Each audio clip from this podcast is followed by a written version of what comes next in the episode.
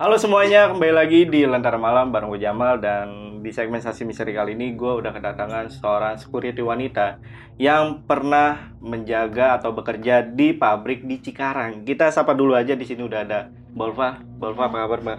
Alhamdulillah baik. Oke, ini jadi security wanita nih. Ini jarang-jarang nih. ya Iya. kan? Udah berapa tahun kerja di sana? Bisa dibilang setahun lebih lah. Setahun lebih. Ah, setahun lebih. Oke. Kalau setahun ini kan di beda tempat. Di beda tempat itu setahun. Yang nanti akan cerita itu cuma lima bulan. Cuma lima bulan. Hmm. Itu resign. Iya resign. Resignnya kenapa nih? Ya itu yang diganggu-ganggu. Gara-gara diganggu. Ganggu- ya? Gara-gara diganggu yang nggak enak aja. Mbak Ulfa ini kan jadi security wanita nih ya.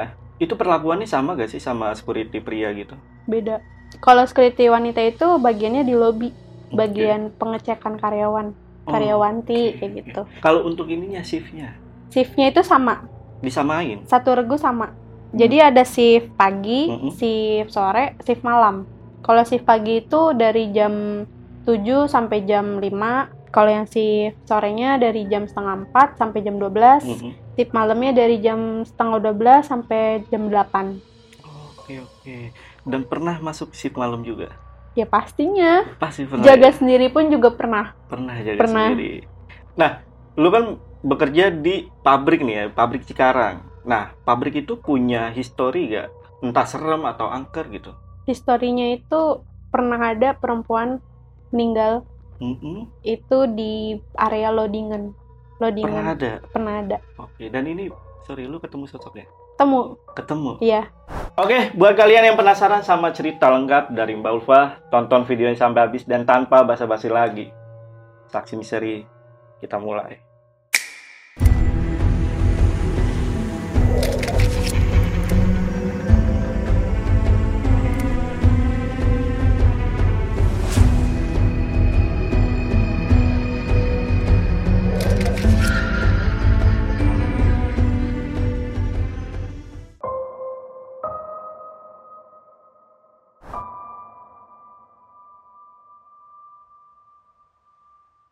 Ulfa ini gimana awal masuk kerja itu tahun berapa? Boleh ceritain dari awal. Itu waktu tahun 2021 saya kerja di PT, salah satu di kawasan industri. Mm-mm. Karena bagian saya kan ada tiga shift nih, ada shift pagi, shift sore, shift malam. Jadi awal masuknya itu pun di PT udah aneh, hawanya itu udah aneh. Itu hawa aneh itu di parkiran kak, di area parkiran motor. Berarti baru datang tuh, Baru sehari lah. Hmm. Sehari itu waktu itu saya masuk malam. Malam itu sih jam 12-an lah masuk nih. Ini awal saya hawanya nggak enak.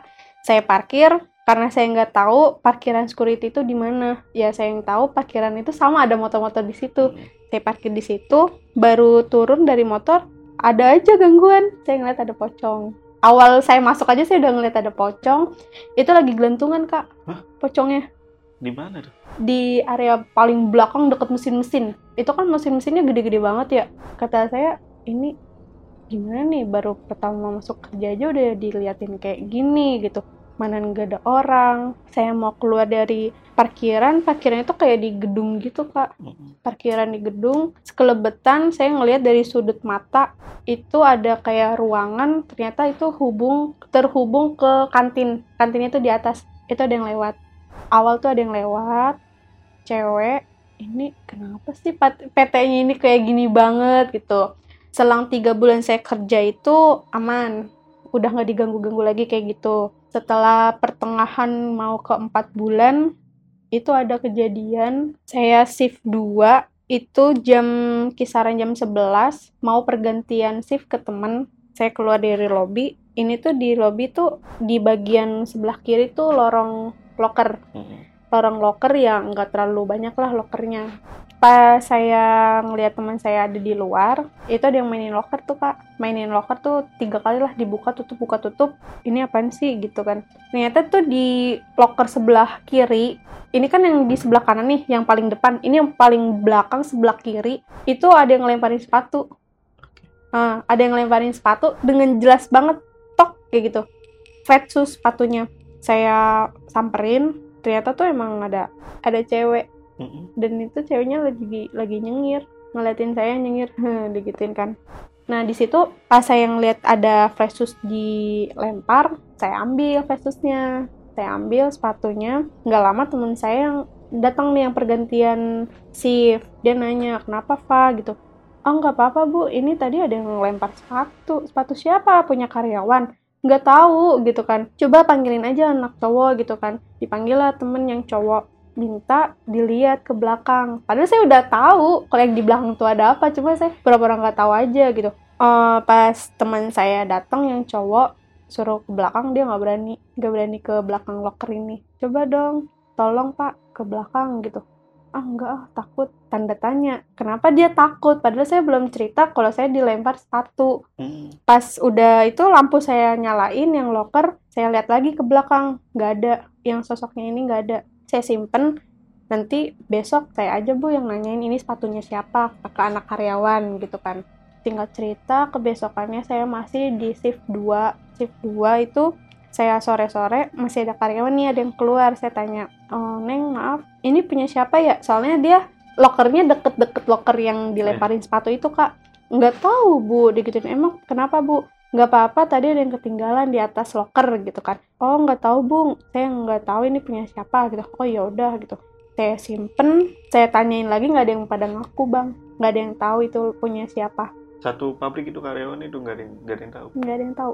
Sampai yang lawan shift pun juga saya tanyain saya udah pergantian shift nih. Kan beda lagi ya sama karyawan. Saya tanyain lagi sama yang lain bahkan yang punya lockernya pun saya tanyain ini punya kamu bukan? Bukan bu. Serius bukan punya kamu?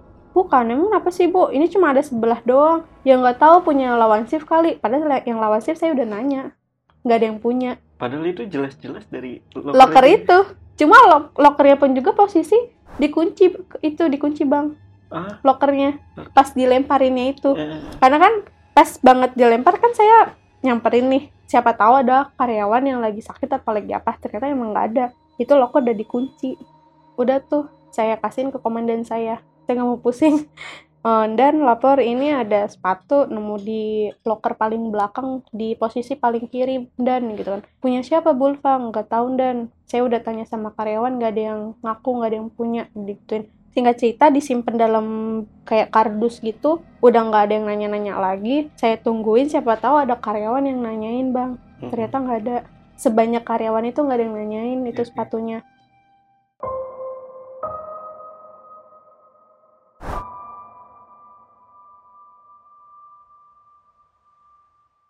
Ini saya cerita di lobby 2, kejadian di lobby 2 nih. Di lobby 2 ini itu ada kayak di belakang locker itu ada kayak klinik kecil. Klinik kecilnya itu nggak tahu kenapa karyawan nggak ada yang pada suka di situ.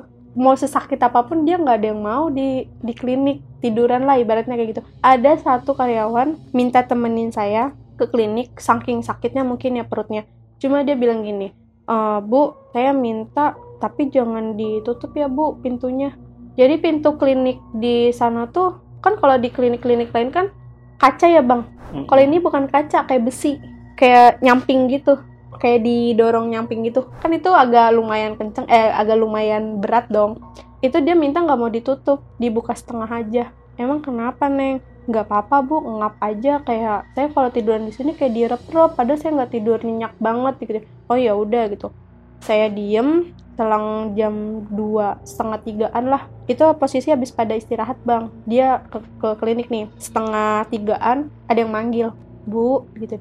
Tiga kali bu bu. Iya kenapa? Saya nyamperin kenapa nih kenapa bu? Saya nggak nggak manggil. Ah serius? Iya tadi kamu manggil saya tiga kali. Enggak bu digituin udah ah saya mau mau kerja aja lagi takut gituin. Oh dia malah milih kerja lagi? Uh, dia malah milih kerja lagi. Padahal dia masih megangin perutnya dia. Dia ke lokernya dia ngambil apa gitu. Udah bu makasih. Ya saya mau tutup nih klinik mau saya matiin. Diketawain bang. Ih kayak gitu. Astagfirullahaladzim.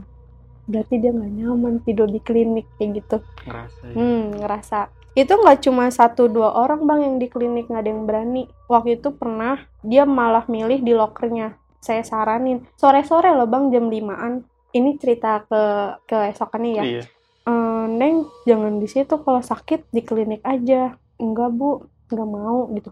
Dan kalau itu nanti ketahuan CCTV neng gitu ntar disangkanya kamu ngapain?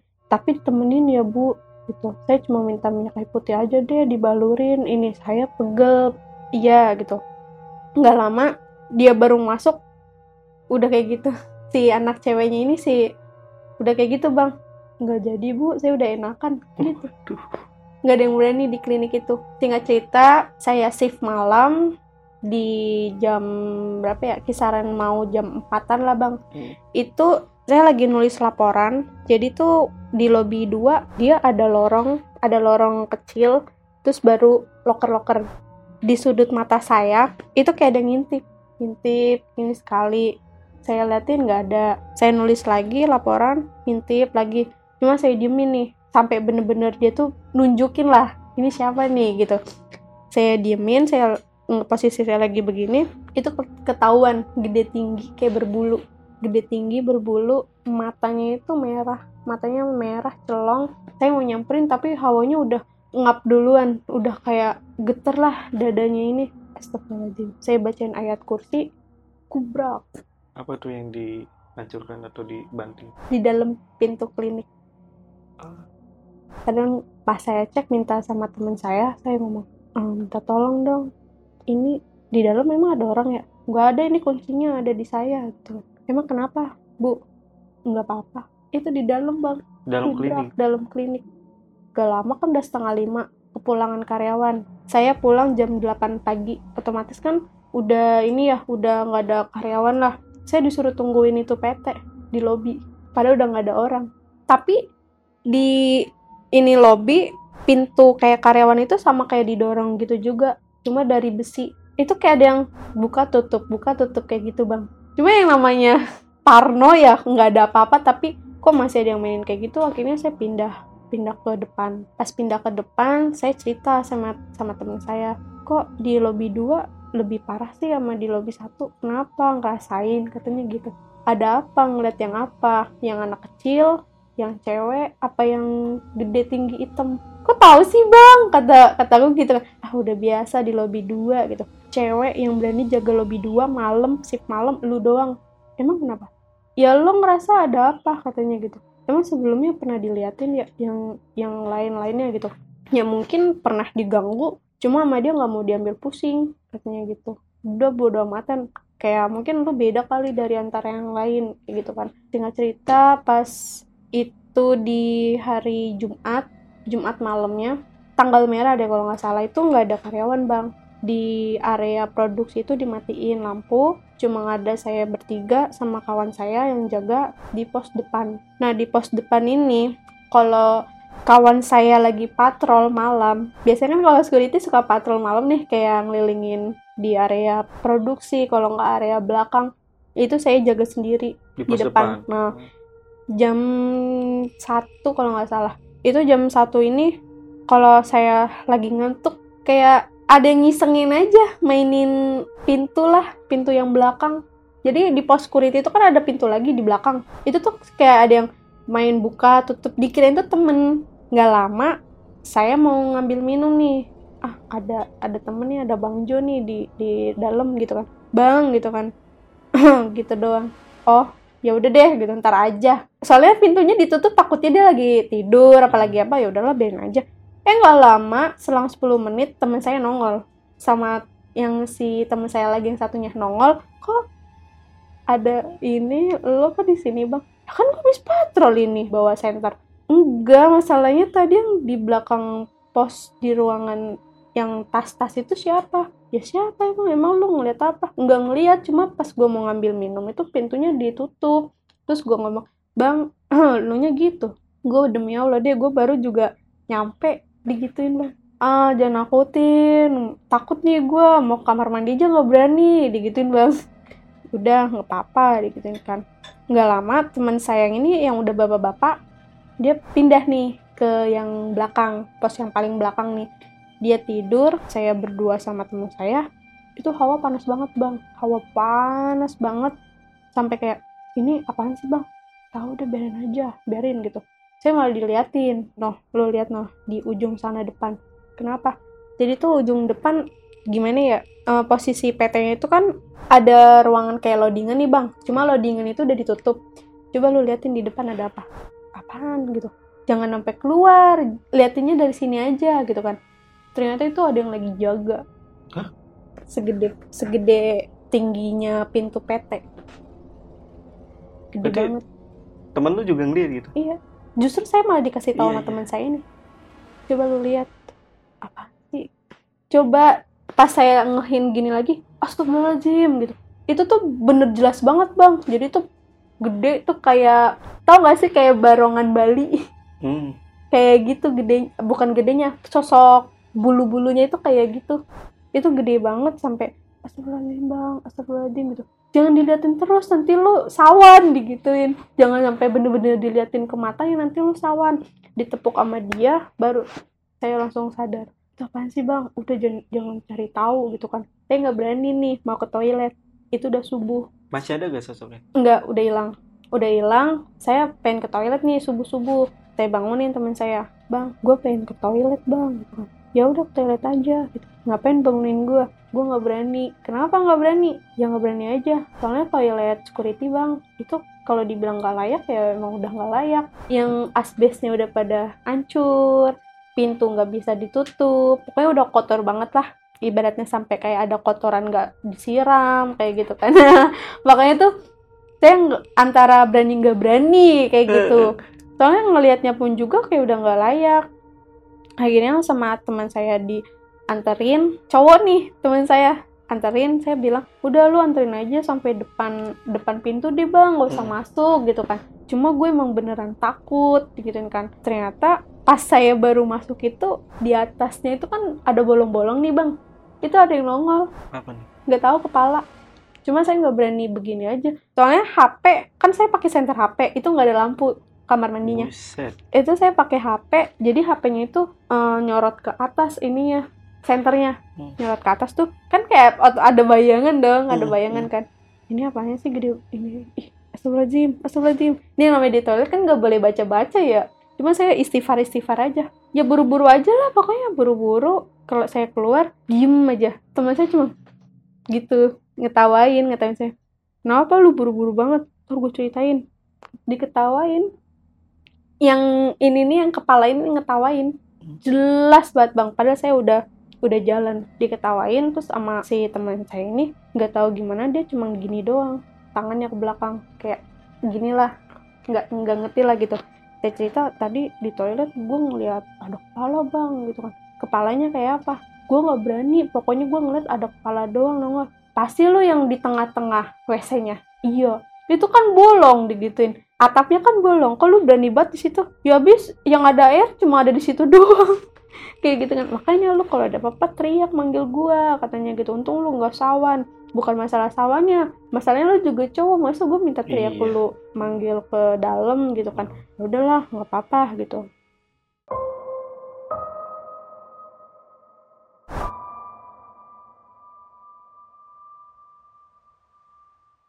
saya cerita nih sama temen yang ini juga. Ibaratnya dia kayak udah abang-abangan lah.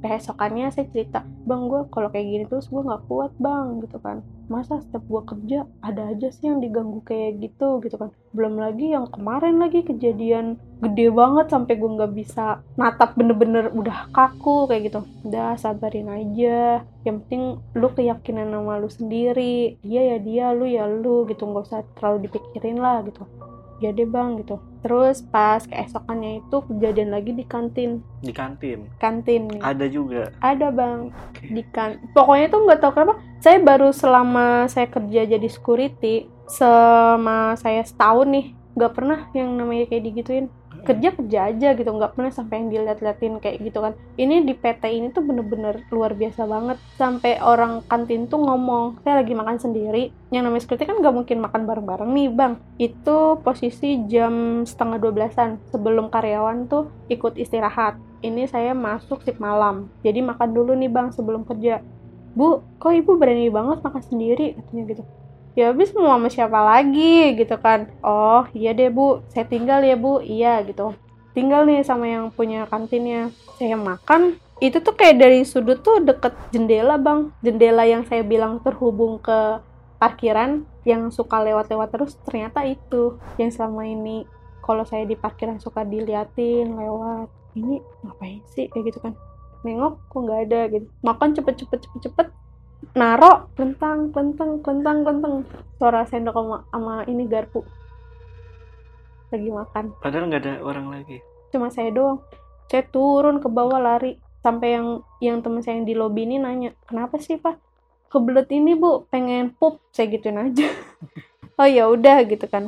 Itu pun juga nggak cuma sekali dua kali bang di atas di kantin. Cuma karena saya udah lama ibaratnya udah berbulan-bulan di situ saya kalau malam makan udah biasa lah. Kadang sebelum saya masuk makan itu udah ada yang makan ikut makan kayak gitu. Layaknya kayak orang dia karyawan di situ aja ngikut makan makan kayak Hmm. gitu. Tapi kalau lagi nggak ada karyawan bang kalau ada karyawan saya liatin liatin mana nih sosoknya nih? Kenapa kalau lagi banyak orang nggak ada? Kayak gitu kan. Jadi kalau lagi sepi aja suka kayak gitu dia. Ini sosok apa? kayak cewek. Kayak cewek. dibilang kunti bukan tapi pokoknya tuh cewek pakaiannya tuh gimana ya? Kayak putih-putih gitu bang. Kayak dress. Hmm. tapi di kalau kunti nggak nggak bukan kunti gitu. Cuma kan kata saya suges apa ya?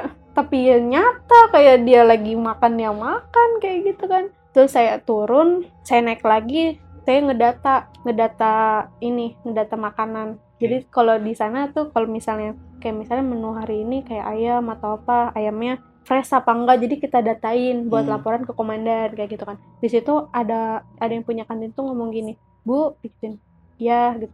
Ibu tadi ngapain? Ngapain apanya?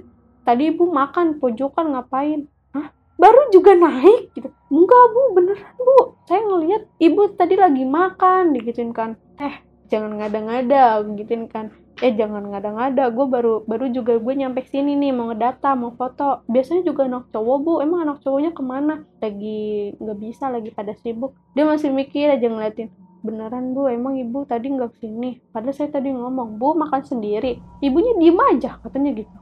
Ada yang nyosokin saya katanya Iya. gitu. Tahu ah kata saya gitu.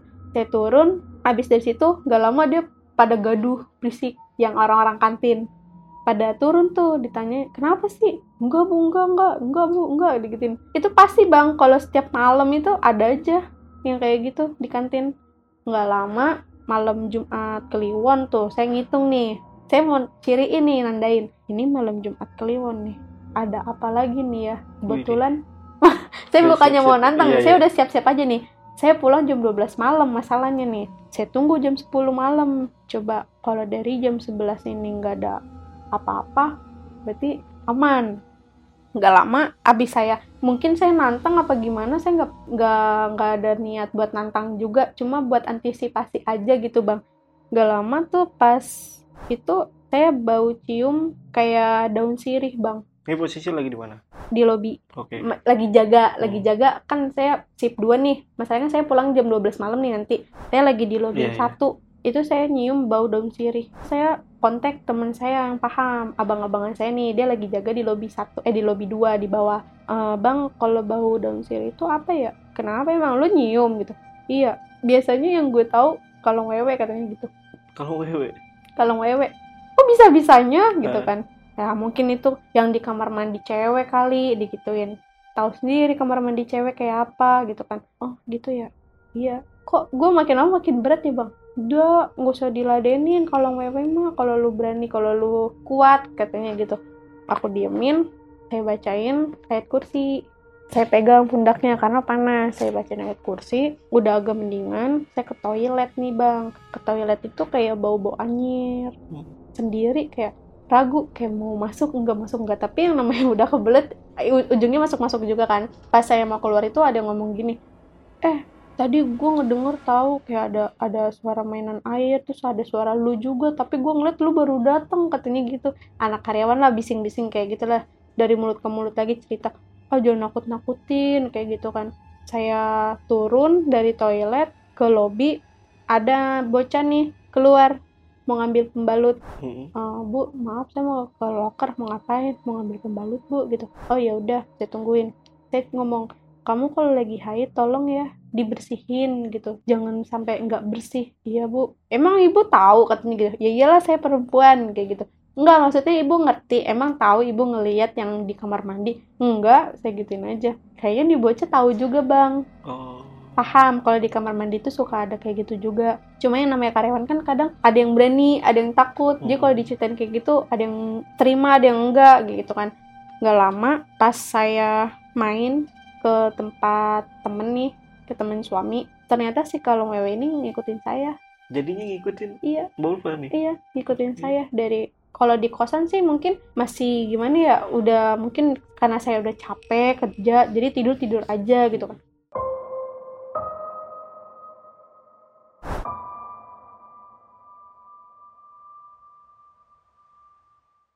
Saya main ke tempat temen suami saya, temen suami saya tuh ngeliat dia tuh udah udah kayak gitu, udah kayaknya tuh hawanya tuh udah nggak enak, Hmm. Udah mau muntah lah. Kenapa mas? Aku udah curiganya itu jangan-jangan ini lagi nih yang kemarin ngintilin nih gitu kan. Kenapa mas? Jelek banget, bau katanya. Jelek Ngomong- banget bau. Ngomongin yang kalung wewenya. Saya ngomong gini, jangan ngikutin. Udah, kamu saya kan udah bersih, udah nggak haid lagi. Waktu itu saya lagi haid. Hmm. Saya kan lagi udah bersih, udah nggak haid lagi. Udah ya pergi. Tetap nggak mau pergi bang. Tetap nggak mau kerasa. pergi. Hmm, masih kerasa tetap nggak mau pergi. Ternyata yang dilihat sama teman saya ini sama yang apa yang saya lihat. Maaf ya, wewe gombel kalau wewe apa wewe gombel lah ibaratnya itu emang bener nyata apa ya payudaranya itu sampai ke tanah ngampleh-ngampleh kalau bahasanya sampai ngampleh-ngampleh Eh, ih kok kayak gini sih gitu Ih, pokoknya tuh nggak banget deh dilihat tuh nggak enak banget dilihat. nggak bisa digembleng gitu dia. ya nggak nggak ngerti deh. Apa? pokoknya tuh nggak pokoknya tuh nggak enak banget dilihat Eh, eh. kan sampai akhirnya udah saya bacain ayat, ayat kursi apalah. Akhirnya dia mau pergi. Tapi kan tadi katanya untuk baunya itu kan apa daun sirih ya? daun sirih. Nah tapi temen bilang bau, bau banget bau banget, bukan bau daun sirih. kalau bau daun sirih itu ciri-ciri ke- kedatangan Oh oke oke. ibaratnya kayak dia udah mau datang nih Kalau saya daun taunya kalau bau daun sirih itu resekvi. resekvi bener gak? Resekvi. sama kayak gue anjing ya dong serius sikpi Bener ya Ray? iya bener Yuk lanjut yuk. aturan kalau sirih itu kan semriwing nggak enak ya aturan seharusnya Iya, saya cuma lihat dia doang ya, belum pernah nyium resekvi ya.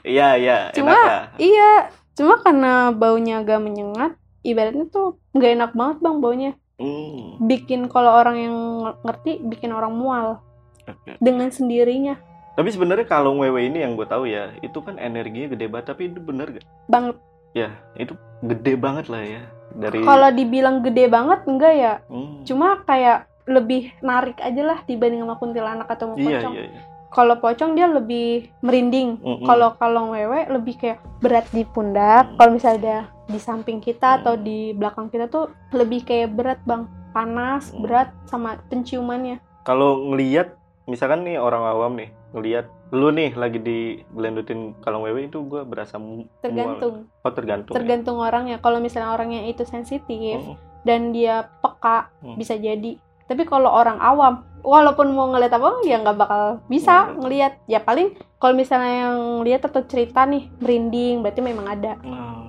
gue suka mual ngeliat Rara.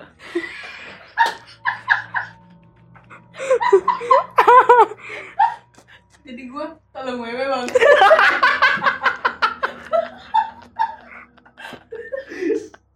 terima kasih buat puisi Lo tahu sih maksudnya.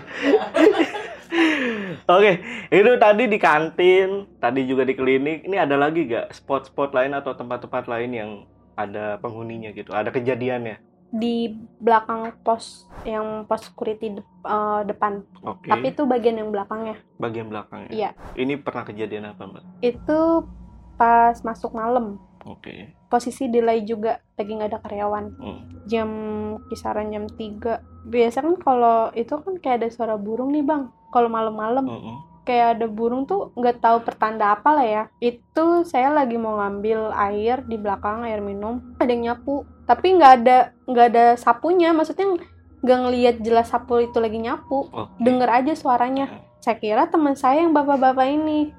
Pak pak lagi nyapu pak gitu. Malam-malam loh pak gitu. Tapi saya ke samping agak sampingnya kan masih ada sekatan nih bang. Nggak ada orang. Pas saya habis keluar dari ngambil air dia keluar dari kamar mandi si bapak ini yang teman saya. Lah ini orang ini orang muncul aja nih lagi di di kamar mandi nih. Terus yang tadi dengar suara nyapu siapa ya sering banget bang. Itu jelas ya. jelas kayak orang nyapu aja Iya. srek srek kayak gitu. Itu jelas banget. Gak lama karena saya udah sering diganggu ibaratnya udah sering kayak digangguin kayak gitu udahlah biarin aja lah bodo amat. Sampai pernah kesel gitu dan apa? Lu tuh ya lu gue ya gue gitu. Gue di sini tuh mau nyari rezeki mau nyari uang buat kehidupan gue kehidupan lu kehidupan lu. Kalaupun emang ketemu lu apes gue pun apes ngeliat lu ibaratnya kayak Hmm, gitu kan. Sampai udah keempat bulannya mau ke lima bulan pertengahan di lima bulan ini alhamdulillah saya udah nggak digangguin lagi udah nggak digangguin yang dilihat-liatin yang kayak gitu Hmm. yang di parkiran udah nggak digangguin terus yang di kantin juga ibaratnya udah bestie lah sama yang ininya Iya, nih iya. si sosoknya ini jadi kalau saya udah mau masuk mau makan dia pergi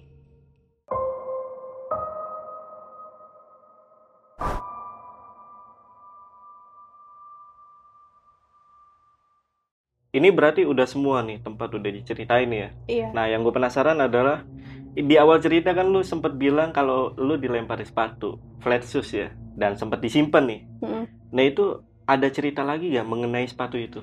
Iya, yang Festus itu kan karena apa ya? Karena saya udah nggak betah, jadi saya keluar keluar dari kerjaan. Oke. Setelah saya keluar dari kerjaan tuh saya dengar kabar, tanyalah sama temen nih yang yang dulu karyawan udah lama banget lah. Dia pernah cerita sama saya, dulu tuh pernah loh di sini tuh ada cewek meninggal gitu. Yang di loadingan lu tau kan gituin. Iya, tahu. Ya itu, pernah meninggal. Orang mana gitu gak tahu kalau orang mananya gitu cuma udah lama banget pokoknya udah baru awal gua masuk pun juga gua udah pernah denger dari cerita itu kayak gitu dapet ceritanya gini kak yang meninggalnya itu dia tuh bagian loading loadingan itu tuh kayak keluar masuknya barang Mm. jadi gimana ya kayak ada ini misalnya truk nih kak masuk. Nah posisinya itu kayak gini.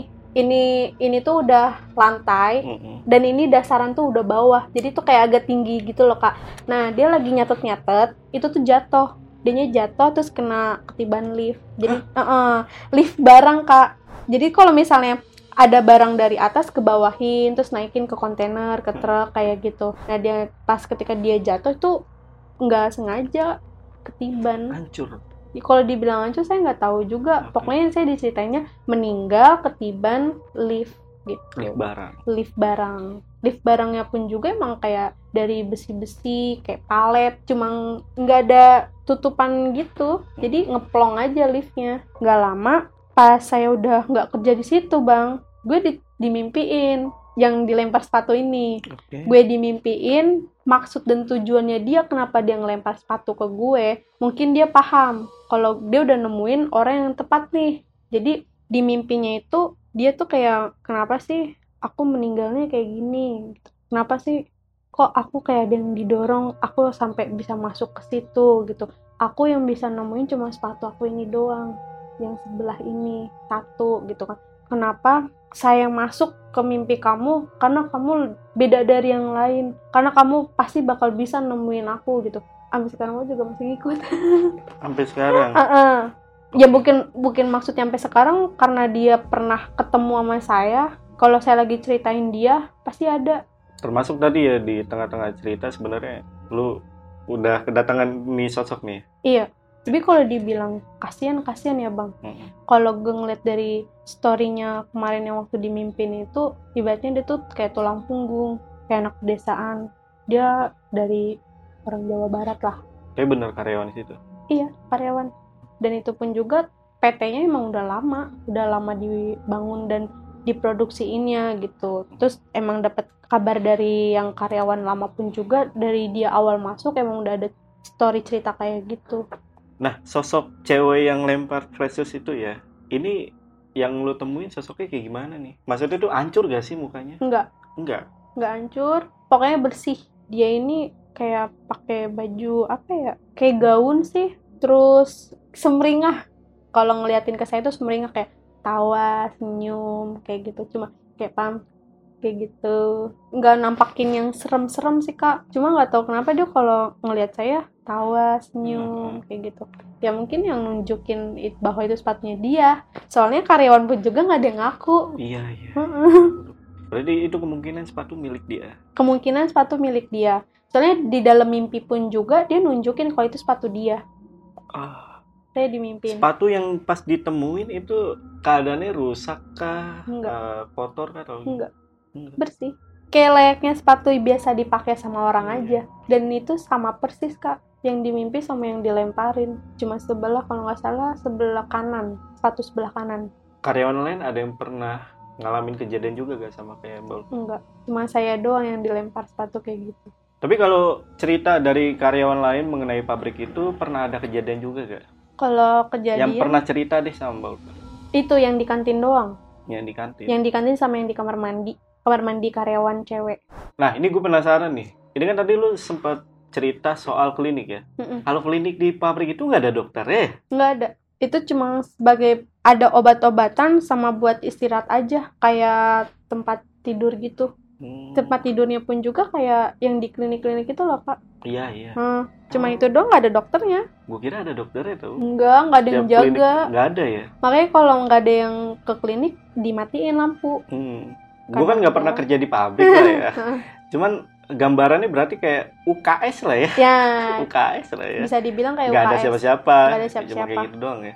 obat-obatan ya paling ya cuma kayak gitu doang kayak tolak angin lah Hmm. obat-obatan pusing Hmm. minyak kayu putih kayak gitu Ini yang lo tahu aja ya. Itu kalau pabrik itu berdiri dari kapan? bisa jadi tahun 90-an Udah lama itu. udah lama soalnya dari bangunannya pun juga ya udah lama kayak gitu cuma kan itu pernah nih di salah satu vendor yang gede lah ibaratnya produksinya gitu kan jadi kan udah agak lumayan lama tuh pak yang saya kerja di pertama pun juga itu kan pusatnya udah gede banget nih yang produksi ini ya Oke. berarti udah lama juga di situ pun juga udah puluhan tahun di situ Nah itu kan resign nih. Pada akhirnya lu resign ya. Mm-mm. Setelah resign itu pernah kerja lagi gak sebagai security wanita? udah nggak nikah kan Udah, Udah, nikah, langsung nikah. Pas, oh langsung nikah. Pas udah nikah nggak kerja lagi. nggak udah pas dari resign itu udah saya nikah Pernah main ke sana lagi gak? nggak Karena pengen tahu itu kabar kamar mandinya udah bersih apa enggak. Karena nggak sempat ada kotoran kan deh. iya itu kalau yang Siapa sih yang nggak disiram itu? Kok bisa ya? itu mungkin namanya apa sih security kan bareng-bareng juga nih kadang karyawan yang jorok kalau misalnya dia nggak mau yang ke area produksi Masalahnya gini, kalau kotoran nggak dibuang berarti dia nggak cebok dong. hmm, nggak tahu iya dong. nggak tahu kok bisa? pokoknya ya pokoknya gitulah Hmm. kita juga mau nyiramin bukan Iya itu dia, kita itu dia. gitu kan Kok bisa? ya? Oke. Tadi berarti itu aja ya pengalaman dari Mbak Ulfa ya Iya. selama kerja jadi security, security di pabrik ya, iya. di Cikarang. Nah, buat teman-teman yang pengen tanya-tanya lebih lengkap lagi, itu kalian bisa langsung aja ke Instagramnya eh, Mbak Ulfa. Itu ada di mana Mbak? apanya nih Instagramnya, biar oh kirain teman-teman bisa si nanya. si itunya ada di mana ya Siapa ya? yang lempar sepatu Waduh, jangan. ada di Instagramnya Ulfah NRBTY Nah itu tadi untuk linknya nanti gue taruh di deskripsi. Ya udah, mungkin eh, untuk eh, video kali ini gue rasa cukup. Gue Jamal dari Lentar Malam dan Baul izin pamit. Bye.